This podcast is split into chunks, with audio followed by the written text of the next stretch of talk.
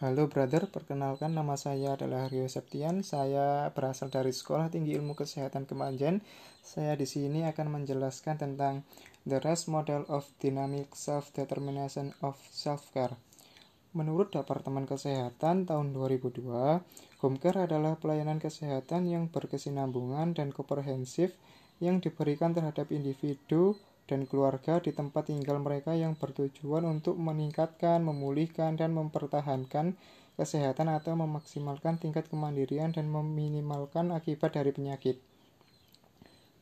Pelayanan home care didukung berbagai model teori keperawatan. Dalam dalam hal ini akan dijelaskan teori model REST yaitu Dynamic Self-Determination of Self-Care yang dimasuk yang dimaksudkan dari model ini adalah bahwa pasien diberikan kebebasan untuk menentukan pilihan dalam merawat diri sendiri guna menjaga keseimbangan kesehatan mereka sendiri. Peran perawat home care Peran perawat home care adalah fasilitator pasien dalam menentukan pilihannya untuk merawat dirinya sendiri melalui lima strategi. Melalui lima strategi. Yang pertama, edukasi, advokasi, komuner komuner spiritual, estetika, dan manajemen kasus. Tahap hubungan caring antara perawat, pasien, dan caregiver memiliki tiga tahapan. Yang pertama adalah dependent, merupakan tahap awal perawat akan melakukan sebagian besar perawat pada pasien. Yang kedua adalah interdependent, tahap pasien atau pengasuh pasien sudah mulai memiliki pengetahuan. Yang ketiga adalah independen. Tahap pasien atau pengasuh pasien sudah mandiri melakukan aktivitas perawatan diri dengan intervensi minimal dari perawat. Permis the Dynamic Self-Care Determination for Self-Care memiliki 10 tahapan. Yang pertama adalah setiap orang memiliki pengaruh yang besar terhadap kesehatannya masing-masing. Yang kedua, kesehatan yang optimal mengacu pada level fungsional tertinggi dan multidimensional.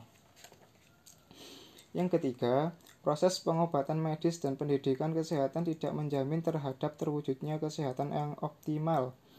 Yang keempat, pasien adalah wujud holistik sepanjang rentang kehidupan.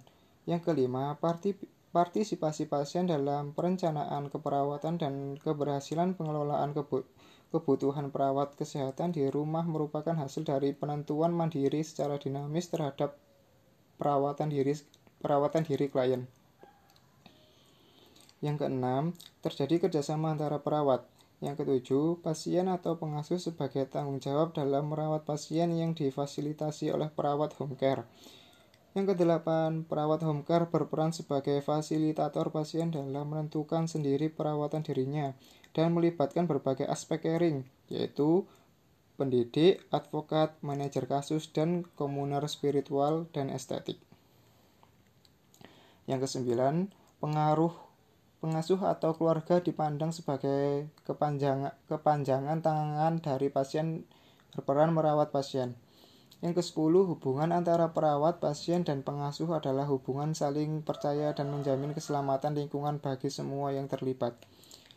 Dan kesimpulannya, home care adalah pelayanan kesehatan yang berkesinambungan dan komprehensif yang diberikan terhadap individu dan keluarga di tempat tinggal mereka yang bertujuan untuk meningkatkan kesehatan atau memaksimalkan tingkat kemandirian dan meminimalkan akibat dari penyakit. Dynamic Self-Determination of Self-Care merupakan teori dike dikemukakan oleh Rice serta perawat home care memiliki lima strategi yaitu edukasi, advokasi, komunal spiritual, estetika, dan manajemen bisnis. Manajemen kasus. Itulah guys yang dapat saya persembahkan. Terima kasih sudah mendengar.